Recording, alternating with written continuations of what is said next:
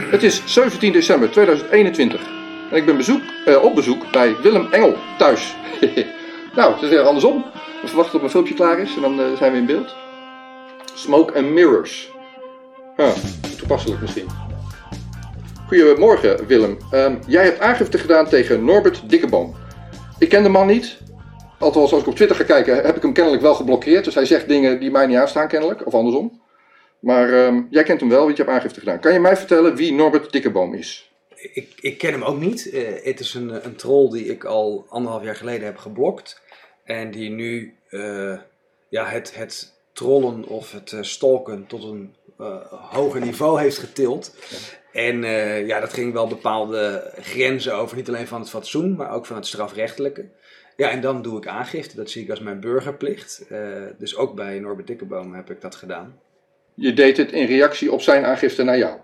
Nou, dat niet alleen. Uh, als je zijn uitingen bekijkt, dan is het uh, ronduit uh, smadelijk en lasterlijk. Hij is, het is echt een, een, een ordinair persoon die aan het schelden is en aan het zwart maken en van alles erbij haalt. en vrij obsessief ook bezig is. En daarom noem ik expliciet stalking, en dat staat ook in de aangifte.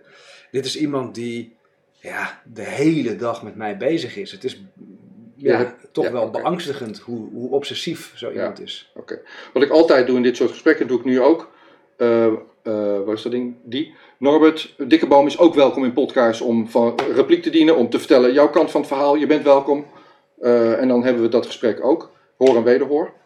Um, ik heb hem niet uitgenodigd. Ik nodig uit mensen uit die positieve dingen doen, die leuke dingen doen. En ik zie ook zijn Twitter feed en ik denk, nou. Dat is nou weinig, niet... weinig positiefs Het is niet, geen, ja. geen, geen, geen podcast material. Maar goed, uh, je bent welkom.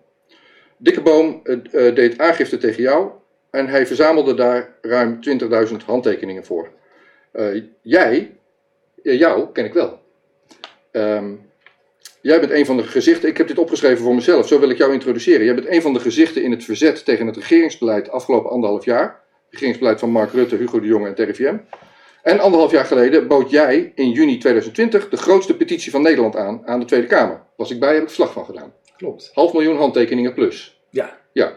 Uh, voordat we verder gaan, uh, Dikkeboom heb ik op televisie gezien hm. en op de landelijke radio. Ja. Dus vandaar als ik zeg, je bent welkom in podcast. Nou, hij schuwt de media niet, dus dat lijkt me een leuk gesprek. Uh, weet je nog welke media er allemaal bij waren aan de Hofvijver toen jij je half miljoen handtekeningen inleverde? En paar. Ik denk dat het NRC erbij was met een fotograaf. Dat was het. Eén fotojournalist van het NRC, inderdaad. Ja. ja. ja. Uh, wat was de follow-up op die half miljoen handtekeningen tegen het regeringsbeleid destijds? Is er wat mee gedaan? Nee, nee, er is niks mee gedaan. Okay. Dikkeboom heeft 20.000 handtekeningen en mag op televisie en op radio en in de Telegraaf, Algemeen Dagblad en ik weet niet waar die allemaal geweest is. Hij mag ook in podcast. Dus je heeft wat meer uh, media-aandacht dan, uh, dan jij. Ja, dit wordt heel erg gefaciliteerd. En dat, dat is precies. En ik wil niet direct Dikkeboom vergelijken met uh, Volkert van der G. Maar uh, hoe uh, de overheid omgaat met dissidenten of critici, is een haatklimaat creëren. Dat hoeven ze niet zelf te doen. Ze hoeven alleen maar genoeg ruimte in de media te geven voor radicale stemmen om een gevaarlijk klimaat te creëren. En dat, daar is dit een herhaling van. Dus, ja. en je ziet het niet alleen aan mij, hè, maar ook het eh, de, de haatcampagne rond uh, Thierry Baudet bijvoorbeeld en een aantal anderen. Uh, dit is niet een eenmansactie. Hier zit een heel team spindokters achter die de media aanstuurt. Nou, het voorbespreken met jou had ik het over de aangifte en ik heb daar stukjes uitgehaald mm -hmm. ook. Uh, en ik zei tegen jou, dat, dat vind ik een mooi geschreven, goed geschreven uh, ja. Het is best moeilijk om zo'n stuk te schrijven. Verlos van de inhoud, gaan we het zo over hebben. Mm -hmm. Maar juridisch heeft daar wel iemand na, over nagedacht die lange juridische dingen doet. Dat zou goed kunnen. Dat is mijn ik denk niet dat hij het, dat hij het zelf kan. Dat heeft hij niet zelf gedaan. Nee. Ik heb gekeken wat eh, Norbert Dikkeboom doet. Hij werkt als verkoper voor een, althans hij heeft sales gedaan, dus ik veronderstel dat hij nu in een salesfunctie zit voor een Zwitsers bedrijf. Hij is de enige Nederlandse medewerker, voor zover ik dat kon achterhalen. En ver, verkoopt orthopedische hulpmiddelen. Ik veronderstel dat ziekenhuizen zijn klanten zijn. Uh, dat is Norbert Dikkeboom. Ik veronderstel ook dat zijn weerzin tegen Willem Engel oprecht is. Maar of dat zijn enige motivatie is, daar heb ik dus vragen over. Dat zou een vraag zijn aan Norbert als hij in podcast komt. Ja, ja daar kan ik geen uitspraak over doen. Ik, ik heb hem geblokkeerd. Hij is een duidelijke troll. Ja. Uh, die heel veel podium krijgt. En uh, ik ben verder niet geïnteresseerd in ja. wat hij naar voren brengt, want ik hoor geen argumenten. Precies. Oké. Okay. Uh, het laatste dingetje over die uh, petitie van een half miljoen handtekeningen. Ja, ik zet hem ook neer. Ja, ja een half miljoen tegenover 20.000. Dat is ook een beetje het ding. Want er wordt geschermd op nationale televisie. Met 20.000 mensen doen aangifte tegen Engel. Ja, ik snap best wel dat een hoop mensen een hekel aan jou hebben. Want jij doet al anderhalf jaar zeggen dat Mark Rutte zijn werk niet goed doet. maar dat snap ik niet dat mensen. Als je het gevoel hebt dat Mark Rutte zijn werk goed doet en hij vertegenwoordigt Nederland, dan is iemand dan, die daar aan die stoelpoten zaagt. Ja, maar dan, dan nog snap ik het niet. Want ik denk dat ik mijn boodschap op een hele nette manier breng en heel goed onderbouwd.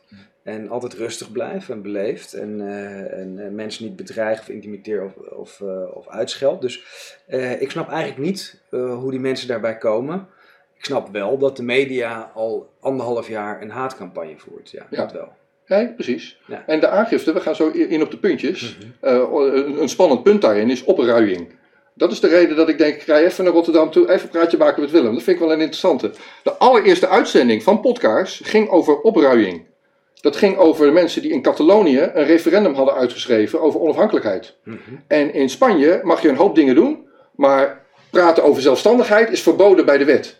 Als je dan toch een referendum voert, dan word je voor opruiing in de gevangenis gezet. Ja. Dus het is niet zonder precedent dat woord opruiing. Daar gaan we zo verder over praten. Ja. Maar ik wou nog iets zeggen over die half miljoen handtekeningen. Maar opruiing, dan kom je in het woord sedition, in ja. het Engels. Hè? En, en dat, dat heeft ermee te maken dat je uh, wil afscheiden of uh, de staat omver wil werpen. Ja. Uh, nou, is het niet zo dat ik het eens ben met het regime, maar ik, ik stel geen uh, gewelddadige opstand voor. En als je dan de parallel trekt in, uh, in Catalonië, het is natuurlijk een grof schandaal, want een referendum is juist niet opruiing.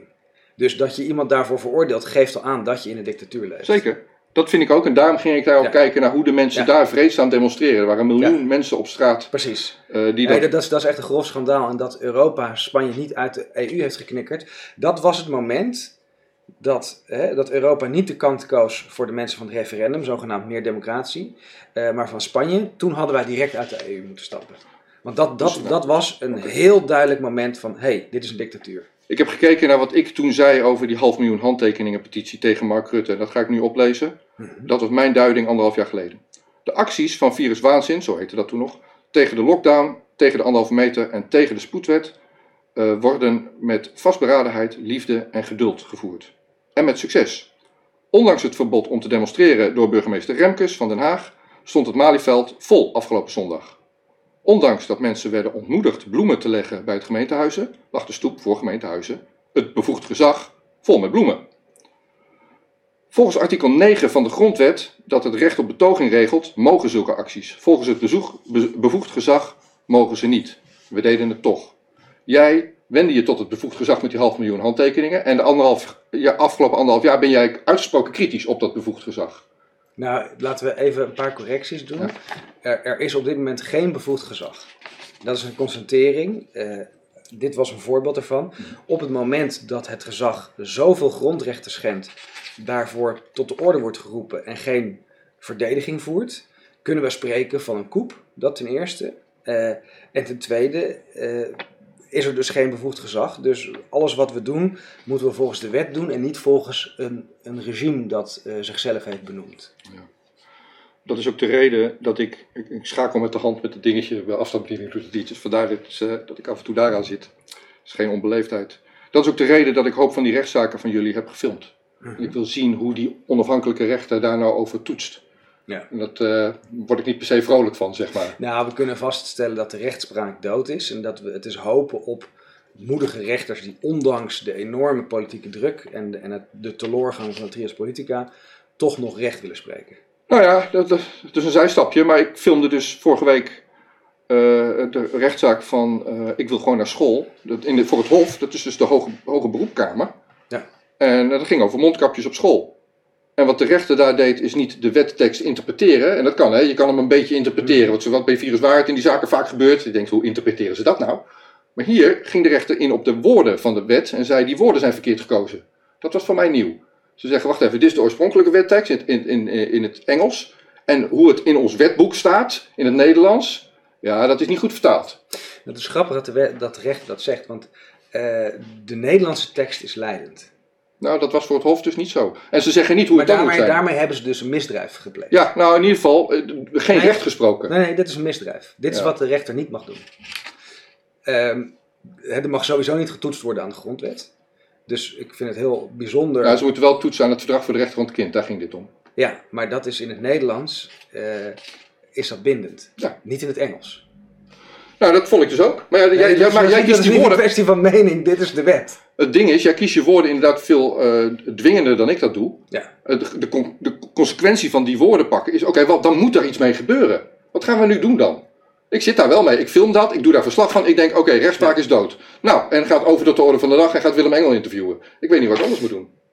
Ja, nou ja, kijk, de rechtspraak op dit moment is eh, non-functioneel. Zullen we ooit weer rechtspraak krijgen? Ja. Dus de functie waarom wij rechtszaken voeren is ten eerste waarheid brengen. Men moet weten wat er aan de hand is en daar heb je ook een belangrijke rol in om dat te verslaan. Ten tweede is het eh, de corrupte rechters en rechtbanken ontmaskeren. En Ja. daar gaan we nu eh, in een sneltreinvaart doorheen. We hebben een doorbraak bereikt in de zaak Fort Oranje. Eh, we hebben bewijs van samenzwering van rechtbanken. En dat, is, dat zal de komende paar weken behoorlijk opblazen.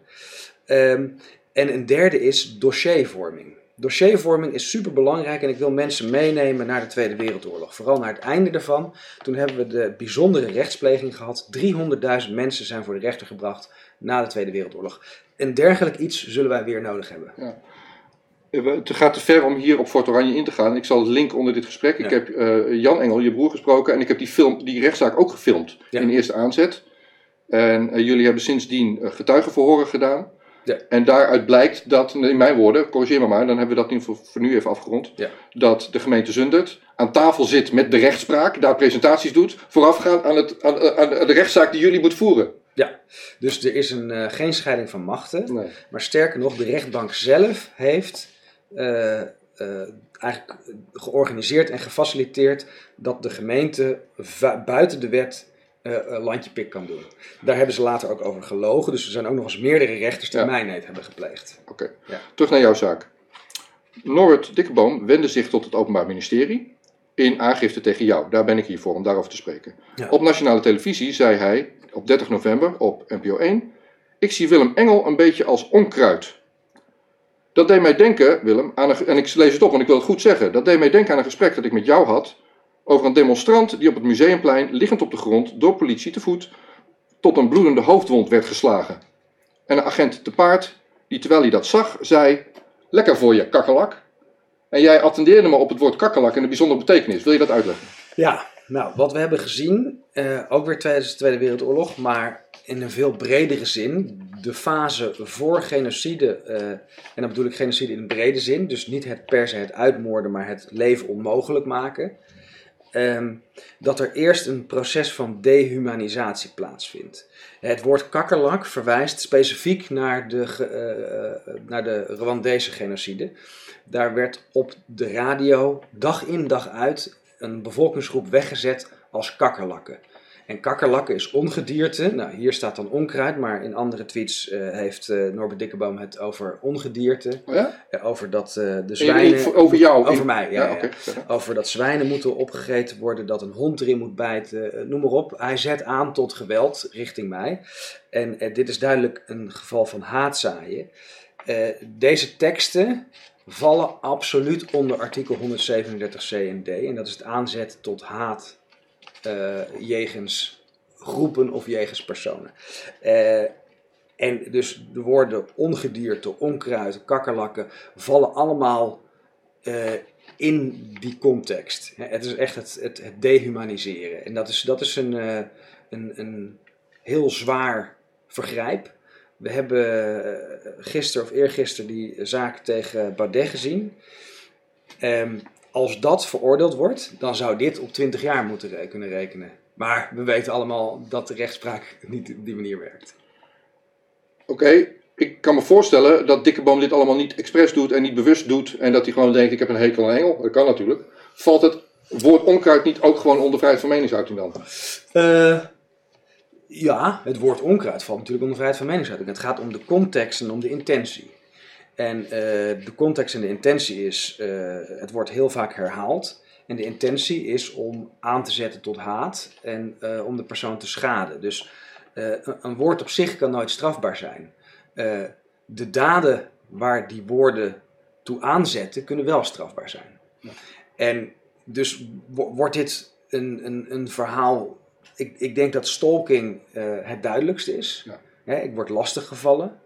Uh, of dit direct aanzetten is tot haat, ja, daar zal een, een, uh, een rechter zich over moeten En dat heb je gevraagd aan de rechter? Dat, heb ik gevraagd aan Toem. Je refereerde aan Baudet, wil je kort samenvatten? Ik ga daarop verder. Ja. Wat is er aan de hand met Baudet? Ja, nou, het is natuurlijk heel bizar deze zaak dat uh, Thierry Baudet voor de rechter is gedaagd. Dat is ook uh, denk ik een opzet van de NCTV, of in ieder geval van de, binnen, van de, van de inlichtingendiensten. Uh, wat er is gebeurd is dat het Centraal Joods Overleg en het CIDI zich hebben laten misbruiken uh, om Baudet aan te vallen in een civiele procedure waar ze zich beroepen op drie artikelen. En dat is 270, 271 en 137c. En die gaan eigenlijk over uh, diffameren en haatzaaien uh, jegens uh, overledenen of, of groepen. Uh, en die zijn zo ver gezocht en die worden zo weinig gebruikt. En die zijn ook zo weinig succesvol in het strafrecht al. Dat het een hele rare uitspraak is. En daarbij, de uitspraak van de rechter was duidelijk niet door haar geschreven. Dus uh, ik raad iedereen aan om dit te woppen. Uh, hier moet de onderste steen boven. Dit was een sterk staaltje trial by media. En ik wil vooral verwijzen naar het Dreyfus-proces het Dreyfus-proces, dat is een antisemitisch proces uh, rond de eeuwwisseling van de 19e naar de 20e eeuw in Frankrijk. Uh, waar, uh, ja, dat, dat, dat vind ik een mooi voorbeeld dat iemand wordt veroordeeld niet omdat hij schuldig is, maar omdat hij Jood is. en wat we nu zien gebeuren, is eigenlijk de veroordeling van Baudet, ironisch genoeg, maakt zijn punt nog veel sterker dan al zijn tweets bij elkaar. Oké, ik wil terug naar dat woordje onkruid. En ik heb gezocht, want wat is, de, is daar een historische context? Eh, want ik gebruik zelf dat kakkerlak, want dat, hè, dat zie ik gebeuren mhm. met, die, met die politieagent. Ik ben in die rechtszaal waarin een demonstrant wordt veroordeeld voor geweld. Terwijl hij op de grond tot bloed naartoe wordt geslagen. En de agent zegt, lekker voor je kakkerlak. Dus daar staat ik zelf met mijn neus bovenop dat dat, dat gebeurt in Nederland. Het woordje onkruid heb ik geen, geen associatie mee. Dus ik ging dat opzoeken op internet gisteravond. Dat wil ik voorlezen. De Nationaal Socialistische Beweging in Nederland stond achter de Duitse visie. Op 24 januari 1939 verscheen in het NSB-blad Volk in Nood de volgende tekst over homoseksualiteit.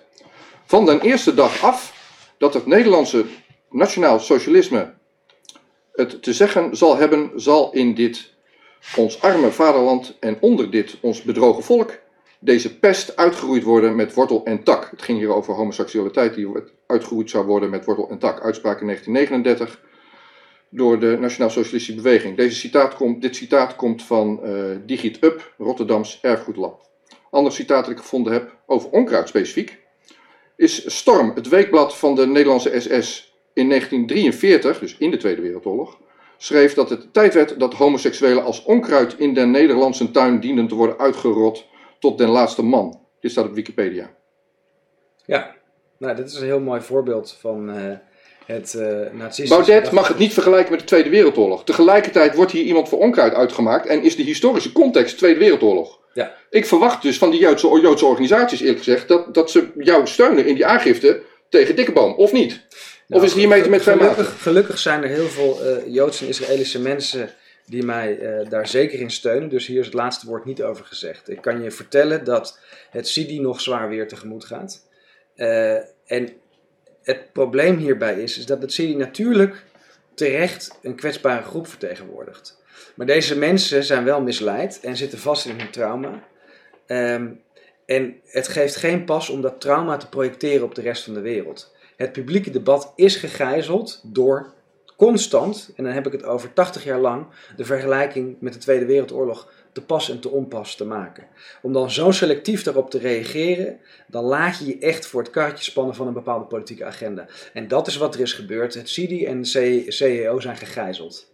Ja, nou, of die laten zich gijzelen. ik heb een punt zelf als, als mediamaker, als journalist, dat op nationale televisie, waar de duurbetaalde collega's van mij uh, hun werk doen, zou ik maar zeggen, wordt toegestaan dat iemand iemand anders uitmaakt voor onkruid. En zij moeten toch die historische context van vervolging van homoseksuelen in de Tweede Wereldoorlog kennen. Dat is hun vak. Ja. Hebben ze, ze laten dikke boom daarmee wegkomen. Nou, sterker nog, ze faciliteren het. En dit vind ik wel echt een hele kritische noot naar de media. Natuurlijk kunnen we ze niet meer serieus nemen, want uh, verslag geven doen ze al een tijd niet meer. Maar de propaganda die ze voeren, die neemt wel uh, ja, zulke vormen aan die je bij Rwanda zou verwachten ten tijde van de jaren negentig iemand die emotioneel in de knoop zit, zoals Dikke Boom. Eh, om die zo'n podium te geven, dat vind ik echt spreken van een enorme onverantwoordelijkheid. Want dit is hoe de media ook een persoon als Dikke Boom misbruikt eh, voor hun eigen agenda. Dit is iemand die in de knel zit met zichzelf, die eh, denk ik niet gediend is bij zoveel aandacht. Dat zal hem uiteindelijk schaden. en daar had de media toch terughoudender op moeten zijn. Nou, mag veronderstel dat Dikkeboom een mening heeft over deze uitspraken, daar mag hij gerust op reageren in podcast. Ik zou het niet persoonlijk maken. Het interesseert me niet wie Dikkeboom is of wat hij in de knoop zit. Wat me wel interesseert is wat hij zegt in Nederland. Natuurlijk, iedereen is verantwoordelijk voor zijn eigen uitspraak. Dus daarom heb ik ook aangifte gedaan, uh, want die moet wel kader stellen. Maar uh, ik voel geen enkele haat tegenover Dikkeboom. Ik, ik zie daar iemand die in de knoop zit met zichzelf. We gaan naar jou toe. Want Norbert ziet uh, dat misschien bij jou ook wel. Of hij heeft in ieder geval een mening over wat jij doet en dat vindt hij niet cool. We beschuldigen hem van opruiing, verspreiding van medische desinformatie, uitingen met terroristisch oogmerk en oplichting. Dat zijn eigenlijk de vier pijlers van deze aangifte. In die uitzending op Nederlandse televisie zei advocaat Peter Plasman um, dat ja, die punten die zijn misschien niet zo sterk, behalve dat puntje opruiing. Nou, daar wil ik dan over verder praten. Maar, volgens mij ook medische desinformatie. Nou, ik wil aan jou vragen, die andere punten, medische desinformatie, uitingen met terroristisch oogmerk en oplichting. Wil jij daar iets over zeggen? Want ik, die... Ja, ja, uh, ja oplichting, uh, oplichting vind ik heel ver gezocht. Oplichting, dat gaat over dat geld wat gebruikt is uh, eventjes in, toch? Dat moet jij maar uitleggen. Ja, ja. Maar dat, dat, dat is ik weet dat dus niet. Dat is voor de rechter getoetst. En, dat is twee keer voor de rechter geweest en er is niks mis mee. Ja, dus, dus dat is klaar. Dus dat precies, daar, daar, daar, die snap ik ook niet. Vind ik voor nu ook niet spannend. Nee, en ik denk dat, dat iedereen daar zoiets van heeft. Ja, oké, whatever. Dus die andere, ik wil daar de spannend. Terroristisch oogmerk. Ja, maar wat is dan het, het verschil tussen het punt van opruiming en, en aanzetten tot terroristische dus, dus die vind ik ook heel ver gezocht. En, ik, en, en zo'n oplichting en terrorisme, dat is puur uh, om, te, om te belasteren. Hè. Dat, dat ziet iedereen. Uh, dus de, de discussie gaat denk ik alleen over die eerste twee, opruiming en, uh, medische, en medische desinformatie. En dan zeg ik, ja, medische desinformatie, is, is dit een strafbaar feit, überhaupt? Uh, wanneer is het desinformatie? als we de, de uh, definitie ervan lezen, dan gaat het dus niet om of het feitelijk onjuist is, maar of het tegen het narratief is. Ja, maar eh, je kan veel zeggen, maar uh, daar is natuurlijk niemand op te veroordelen. Daar komen we echt in, in de middeleeuwen uit met de Heilige Inquisitie. Dit is wel wat Dikkeboom zegt, in mijn woorden, want ik heb dat gelezen. Uh, jij zegt iets anders dan het RIVM zegt en daarmee doe jij aan medische desinformatie. Los van de inhoud, hij gaat dus niet op de inhoud ja, in, maar ja, omdat het anders is, is het desinformatie. Ja, maar dat, dat kijk, ik, ik denk ook niet dat hij, dat hij snapt wat er wordt gezegd. Hè. Hij ziet alleen maar twee partijen die kibbelen en hij kiest een kant. En dat is, dat is voor veel mensen zo. Hè. Die vinden dat te lastig om dan intern of inhoudelijk uh, erop in te gaan. Kijk, er zit wel een context omheen. We hebben het RIVM gedaagd, we hebben WOP-verzoeken gedaan. Ze geven niet thuis. Ze voeren geen verdediging. Ze zeggen je kan het op de website vinden bij het Magenta kader. Ja, daar, daar is de discussie eigenlijk klaar mee. We hebben zoveel rechtszaken gevoerd. We komen met honderden bronnen aan. Uh, en de andere kant, die, uh, die, die komt alleen maar met van, ja, het OMT zegt het. Dus het is heel lastig om überhaupt te kunnen toetsen of iets desinformatie is, want de andere kant geeft niet aan wat de onderbouwing is. Ja, dat is de frustratie die ik proef bij jou en Jeroen in die rechtszaal. Jullie willen per se het inhoudelijk gesprek voeren. Het is geen frustratie meer. Het is al elke keer laten zien dat we te maken hebben met schuldigen, met daders. Okay. Want als je onschuldig bent, dan wil je de ander graag uitleggen hoe het zit. En dan geef je volledige openheid in het proces. Uh, dus alle data, brondata, aannames, modellen, daar moet je volledig open in zijn. En als ze dat niet doen, en we zien datzelfde in de Tweede Kamer. Er worden Kamervragen over gesteld en het wordt achtergehouden. En Hugo de Jong is veroordeeld. Laten we daar uh, ook heel duidelijk over zijn. Je moet het uitleggen wat je dan bedoelt. Hij is veroordeeld uh, op basis van dat hij informatie achterhoudt. Dat zou 30 november uh, zou die dat moeten openbaren. Dat is nog steeds niet gebeurd. Dus ja, en dat is dan ook weer belastinggeld. Moet hij 100 euro per dag aan, aan dwangsom betalen. Terwijl Baudet voor een dag 25.000, dus, dus hier, er is geen rechtspraak meer. Maar om eventjes aan te geven dat zelfs in het klimaat waar geen rechtspraak meer is, ehm, de rechter vindt dat Hugo de Jong en het RIVM de informatie moeten openbaren. Okay. Gebeurt niet. Dus dat hele punt van medische desinformatie, ja, dat, dat, dat is ook onmogelijk. Ik heb dus daar blijft alleen uh, opruiming over. Ik heb, nou, wacht één seconde. Ik heb daar gewoon citaat verzameld over die uh, medische desinformatie. En mensen kunnen dat teruglezen in de stukken van uh, Norbert. Ik bedoel, dat, dat is wel mooi opgezet. Dat zei ik in het begin al. Dus, dus goed geschreven. Met hoop links daarin. Een van die links zegt... Stelsel, stelselmatig verspreiden van medische desinformatie en het in gevaar brengen van de volksgezondheid. Het oproepen tot knuffelen en ander lichamelijk contact, etc. is bovendien aan te merken als opruiing namelijk het oproepen tot het plegen van poging tot zware mishandeling. Ja, moet ik hier nog serieus op reageren? Ja, graag. Nou, dan ga ik toch eventjes... Ik wil dat je heel serieus hierop reageert. Maar, maar dit geeft misschien wel aan welke onderliggende trauma's er bij uh, Norbert aanwezig zijn. En dan, dan word ik... Uh, nee, nee, nee, dan maak je het persoonlijk. Ik wil dat je op, op, dit, op de inhoud... Oké, dus als je denkt dat knuffelen een daad is die af te dwingen is, dan heb je echt een heel erg verkeerd beeld van knuffelen. Knuffelen is per definitie met wederzijds goedkeuren. Je, je komt in elkaars nabijheid omdat je het allebei wil. En dit is de ultieme vorm van zelfbeschikking en van naastenliefde. Er is niks lievers dan dat. Oké, hier is de kern. Volgens mij interpreteer jij dit anders dan, uh, dan Dikkeboom. Dus ga ik even Dikkeboom interpreteren. En nogmaals, Norbert, je bent welkom om het beter te uit te leggen. Als je oproept tot knuffelen met wederzijdse instemming een ander lichamelijk contact, ja. dan is dat in zichzelf zware mishandeling. Want gewoon menselijk contact, knuffelen en andere intimiteit en zo, is aan te merken als mishandeling. Want we zitten nu in een situatie dat je echt anderhalf meter moet afstand houden van elkaar. Doe je dat niet, dan mishandel je de ander. Nou, zo lees ik het. Ja, ik wil het omdraaien. Die anderhalve meter is mishandeling. Dat kan je opzoeken in allerlei wetenschappelijke verslagen. Kijk, het uh, gevangeniswezen werkt ook met termen als, als isolatie en, uh, en afstand houden, noem maar op. Uh, die anderhalve meter is heel schadelijk voor het immuunsysteem ook. Op het moment dat je weinig fysiek contact hebt, dan heb je een, een kwetsbaardere gezondheid. Ehm, het is net als met taal en fietsen, use it or lose it. Als jij wegblijft bij dat fysieke contact, dan word je ongezonder. Een mens, samen met eh, dolfijnen, met chimpansees, met olifanten. Wij zijn bij uitstek sociale dieren. Die sociaalheid uit zich altijd in het constant aanraken van de ander.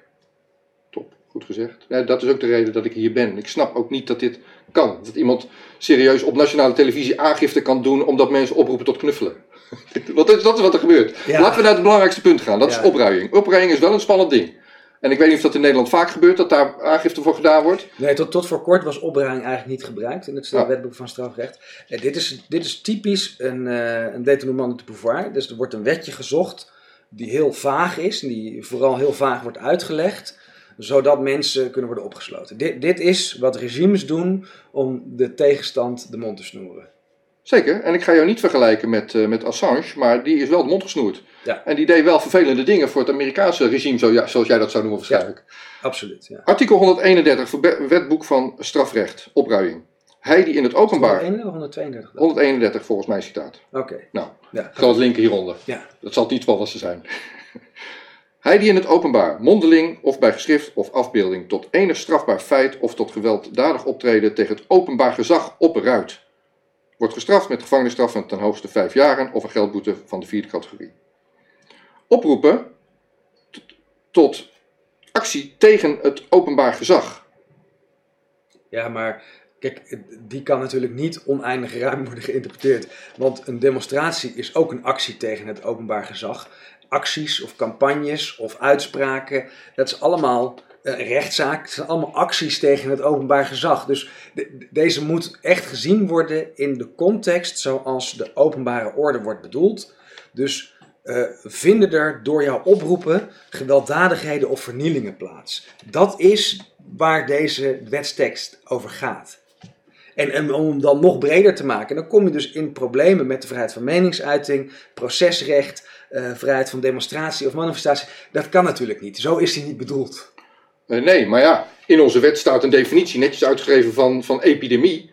En, en jij maakt terecht het punt voor die rechter. Uh, maar, maar dat, we voldoen daar niet aan. En de rechter zegt, Tedros vindt van wel, want het is een pandemie, dus, dus hou je mond ja, of zo. De, de, de wet is, is zo verminkt uh, dat er nu twee definities van epidemie in die wet staan. Waardoor er een, een, een circulariteit is ontstaan. Die, die wet is ongeldig nu. Ja. Gewoon puur omdat er een, een syntax error in zit. Misschien is de kern wel uh, deze tweet. Op 16 november 2021 plaatste de heer Engel een opruimende tweet waarin hij het volgende schetst. Het is je plicht om te zorgen voor zoveel mogelijk infecties. Deze tweet is niet alleen opruiend, maar levensgevaarlijk wanneer mensen gehoor geven aan deze oproep. De oproep van de heer Engel is niet alleen strafbaar, maar tevens zeer ongepast ten tijde van een pandemie. Die Nou, refereer niet voor niks aan die Ga- pandemie. Gaan we even vier dingen. Ja, nou, ten eerste is er geen pandemie op dit moment. De epidemiologische grens wordt al sinds mei 2022 of 2020 niet overschreden. Eh, ten tweede, eh, sinds 4 november is eh, de Omicron variant in opkomst en daar heb ik al heel wat verslag over gedaan. Dit is een zeer milde vorm, een snotje, een verkoudheid. Hoe wij uit deze situatie geraken, is juist om iedereen in aanraking te brengen met die milde variant. En dan vooral, want wat er niet bij staat is de context. Hè. De, context erbij heb ik gezegd van alle mensen eh, in, eh, zonder onderliggend lijden eh, tot 70 jaar. namelijk de mensen die dat fysiek sowieso aankunnen, waarbij, het sterfte, waarbij de sterftekans onnoemelijk laag is. Ehm, ten derde, de enige manier hoe wij überhaupt uit een pandemie kunnen komen, is hem gewoon head-on accepteren. Er is nog nooit een epidemie opgelost door een vaccinatiecampagne. Deze oplossing is ridicuul. Sterker nog, het voorliegen van het volk met de oplossing is een vaccinatiecampagne is op zichzelf strafbaar. Nou, dat zullen we ook zien. Hè. Er is een aangifte tegen Hugo de Jonge in maak. Dan hebben we nog een vierde punt. Ehm, wat een goed gebruik was met eh, waterpokkenfeestjes bijvoorbeeld. En ik vertelde het je net, en ook, ook, ken, ken ik niet, maar eh, veel huisartsen die kennen dit wel. Als een eh, kind waterpokken kreeg, dan stuurde de hele buurt de kinderen naar dat kind toe. Hebben ze een feestje, iedereen raakt besmet, zodat iedereen op jonge leeftijd die ziekte al heeft gehad. Omdat hij op jonge leeftijd heel weinig schade kan doen. En dan ben je immuun voor de rest van je leven. Want zo werkt het immuunsysteem. Als je eenmaal iets leert, dan ben je immuun voor de rest van je leven. Vaccins werken meestal veel minder goed. Dus daar heb je af en toe bij de Havrix volgens mij om de drie jaar of om de tien jaar een update nodig. Eh, maar als ze kort werken, dan heet het überhaupt geen vaccin. Dus de griepprik en de coronaprik, dat zijn geen vaccins. Ehm, maar daar spreekt wel het idee dat als er een periode in je leven is, en met corona is dat dus eh, onder de 70 jaar zonder onderliggend lijden, eh, dat je niet veel ongerief eh, ondervindt van die ziekte, dan is het veel beter om geïnfecteerd te raken dan, dan later in het leven eh, of op een ander moment in het leven waarop je er meer last van zou kunnen krijgen. Dus de enige manier, epidemiologisch gezien, om hier verstandig mee om te gaan, is juist dit doen. Het idee van groepsimmuniteit gaat hierover. Dit is de kern daarvan. Dus ik sta 100% achter die uitspraak. Ja, eh, heel kort afmaken dit. Wat gebeurt er als je waterpokken krijgt, krijgt op latere leeftijd? Nou ja, dan kan je er ernstig ziek van worden. Ja. Tenzij je het al hebt gehad als kind en dan word je er niet ziek van. Nee, dat, dat, Ja. ik wou even aangeven, wa- waterpokken op latere leeftijd. Hoe heet dat? Nog steeds waterpokken. Ja. Ja, Go- Gorderoos toch, of niet? Maar dat zou kunnen, ja. Ja, maar goed. Ehm, ik was bij jullie in de rechtszaal. In, in een van die zaken tegen de RIVM of tegen de staat, dat weet ik niet. Gezondheidszorg, eh, ministerie van Volksgezondheid. Waarin het ging over het plaatsen van het coronavirus op lijst A. In het lijstje met ebola. Hm. Oké, dan ga ik schetsen hoe ik een mogelijke toekomst zie. En dan wil ik jou vragen erop te reageren. Want het gaat over jou en, en je vrijheid. Mhm. Straks sta je voor een rechter en die zegt, nou meneer Engel, u roept op tot eh, het elkaar besmetten met ebola. Of, of een variant of dat erop lijkt, want het staat in lijst A. En wacht even, u wilt eh, inhoudelijk reageren, maar dat gaan we hier niet doen. Dat heeft u al vaak genoeg geprobeerd. Dan gaan we hier dus, het staat op lijst A meneer Engel. Het staat helemaal niet op lijst staan. Het is nog steeds niet door de Eerste Kamer. Het staat niet op lijst staan. Verwacht jij dat dat genoeg eh, argumentatie is eh, voor, voor die rechter? Nou ja, als de rechter dat niet accepteert, dan, dan zullen wij een onderzoek afdwingen. En, en los daarvan, kijk, dat iets op lijst A staat, maakt niet dat het levensgevaarlijk is. Dat maakt dat het een gevaar voor de volksgezondheid is. Dit zijn nog twee verschillende dingen. Ehm, dus kan je daarmee iemand veroordelen? Misschien als er actief wordt aangezet tot infecteren. Maar dat staat niet in de tweet. Nee, maar even, even nog even Het is je heel, heel kritisch, hè? Want Ja, ja. ik zeg niet dat mensen elkaar moeten infecteren. Ze moeten zorgen voor zoveel mogelijk infecties. Dat betekent, wat ik daarmee bedoel, is dat je dus niet je best moet doen om infecties te voorkomen, maar het gewoon moet laten gebeuren.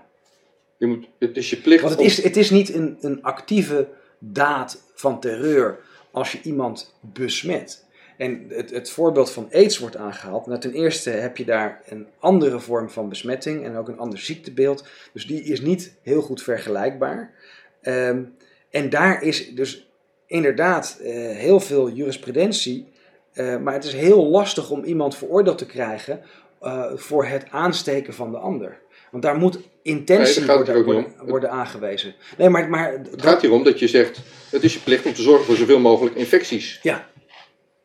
Ja, Ja. dat is een klein stapje weg van eh, bewust iemand in zijn gezicht hoesten met ebola, Ja, zou ik maar zeggen. nee, maar precies dit is natuurlijk een groot verschil. Want het punt van dat actief hoesten, dan eh, heb je een informed consent getekend. Wil die persoon in zijn gezicht worden gehoest? Daar zitten allemaal Ja. andere stappen in en dat staat hier niet. Oké. Vandaar ook dat je re- refereert aan eh waterpokkenfeestjes, zoals dat kennelijk eh, Ja. ook. Ik kende dat fenomeen niet. Oké, in de aangifte re- refereert Norbert ook aan rellen in Rotterdam. Hij probeert jou in verband te brengen met die rellen in Rotterdam. Maar ik zie daar geen onderbouwing bij. En, en, Nee, ik- dit is weer typisch. maar ik wil, ik anders zeggen. Ja, Ehm, ik ken jou nu anderhalf jaar. Ja. En ik zie jou echt alleen maar non-violent, non-compliance doen. Ja. gewoon, gewoon nooit geweld. precies. Hoe, hoe brengt, ik vraag even aan jou, kan je me uitleggen hoe Norbert jou probeert in, in verband te brengen met, met die rellen dan? Nou ja, en dit is wat een troll doet. En dan bedoel ik troll niet beledigend. Hè? Een internettroll, dat is een bepaalde term voor iemand die eh, aan cyberbullying doet of aan stalking online. Eh, ja, dus alles wat er slecht is, moet geplakt worden aan Willem Engel. En dit is een vorm van, van laster, dat, dat is duidelijk. Op geen enkele manier heb ik daar iets mee te maken gehad. Eh, ik heb er wel een mening over. Ik, eh, ik denk dat het duidelijk is dat eh, de NSTV eh, hier een grote rol in heeft gespeeld met het faciliteren van die rellen. Het klaarleggen van stenen moet je denken, verkeerde informatie doorgeven, misschien zelfs organiseren van bepaalde ongeregeldheden. Ehm, maar ik ben er niet voor. Wie het ook eh, organiseert, of het de NSTV is of dat het eh, oproerkraaiers zijn, ik ben niet voor geweld. Precies. En ik heb jou ook dat niet zien op, toe oproepen, zeg maar. Dus in die zin ben ik, zie ik niet wat, wat Dikkeboom hier bedoelt. Het stukje in de aangifte onder opruiming eindigt met een noot. De heer Engel heeft zowel persoonlijk als via zijn stichting Viruswaarheid een groot aantal volgers op social media. Bij op één zei Dikkeboom dat hij je al anderhalf jaar volgt en dat hij een slapend Twitter-account heeft. Nou, dan wil ik daarmee eindigen. Is dit gedrag van Dikkeboom dat gedrag van een bezorgde burger? Of is dat een deel ervan? Is het een jaloerse stalker met zijn slapende Twitter-account en jij met je grote sociale vo- media-volgers? Of van een overheidsapparaat dat Dikkeboom inzet om jou te lijf te gaan? Ik vraag dat in de context van een andere rechtszaak die binnenkort speelt. Ehm, nou ja, dat eerste eh, het is duidelijk niet een bezorgde burger. Het is, het is een eh, verward persoon. Ehm, het doet hij dit in opdracht van? Weet ik niet. Eh, wordt hij gefaciliteerd door diezelfde overheid? Ja, dat is duidelijk. In ieder geval door de media. Ja, maar de, kijk, de media en de politiek zit geen verschil tussen. Hè. Dit, dit is, dit is een, een doorlopend spectrum. Er is niet een scheiding der machten en de media zou je als vierde macht kunnen, kunnen. Er is alleen maar een uitvoerende macht en de media, eh, het parlement en de rechtspraak zijn volledig ondergeschikt gemaakt. Ja, en de, ja, precies. En de journalistiek, wat, wat je Ja. schuilt onder media. Ja. Wat gaat er gebeuren, kan je me vertellen in de af- afronding, wat gaat er gebeuren 23 december? Ja, nou, dat, als het goed is, dan hebben wij dan een rechtszaak eh, tegen het OM. En ik zeg het op deze manier, want het OM heeft mij aangeklaagd voor opruiing. Dat gaat over een onrechtmatige arrestatie. En volgens ons onrechtmatig gedaan op 10 oktober 2020. Toen zijn wij ingesloten tijdens een mars in, eh, in Den Haag. Ehm, nou ja, daar zijn heel veel fouten gemaakt door de politie. Dat hebben we aangetoond. Dus dat willen we vooral naar voren brengen. Eh, het gaat zelfs zover dat meerdere leden van eh, het Openbaar Ministerie vast in geschrift hebben gepleegd. Dus dat wordt een hele interessante zaak. Het gaat natuurlijk eigenlijk over censuur en de vrijheid van meningsuiting. Ik ben kritisch en moet de mond gesnoerd worden. En daarom eh, probeert nu de overheid mij te criminaliseren. En dat, dat zie je door dit soort zaken, dat zie je door het onderzoek dat is gestart vanuit het OM, ondanks dat de rechter heeft gezegd over die lening bijvoorbeeld, hier is niks uh, crimineels of onrechtmatigs aan, wil het OM toch verder onderzoeken daar. Dat is heel opmerkelijk. Dat zie je aan het afwijzen van de ambistatus, het afwijzen van de VOG. Allemaal op basis van registraties in politiesystemen die daarvoor worden misbruikt. Dat is niet de bedoeling. Hè. Het is alleen als je een opsporingsbevoegdheid uh, uh, gebruikt. Uh, en dat is niet alleen naar mij toe, maar dat is naar allerlei demonstranten toe. Dus doordat er nu aantekeningen staan van twee arrestaties, heeft dat weer effect op mijn functioneren in de stichting, voor de stichting zelf, voor een VOG. En dit is het criminaliseren, en dan verwijs ik nog een keer naar uh, uh, de zaak Fort Oranje met het RIEK. Het RIEK is zo'n overlegorgaan die misbruik maakt van bevoegdheden, die geen wettelijke grondslag heeft en dus op een bepaalde manier buiten de wet om mensen het leven zuur maakt. En als je denkt van dat is ver gezocht, nee, dit is precies wat er met de toeslagenaffaire is gebeurd.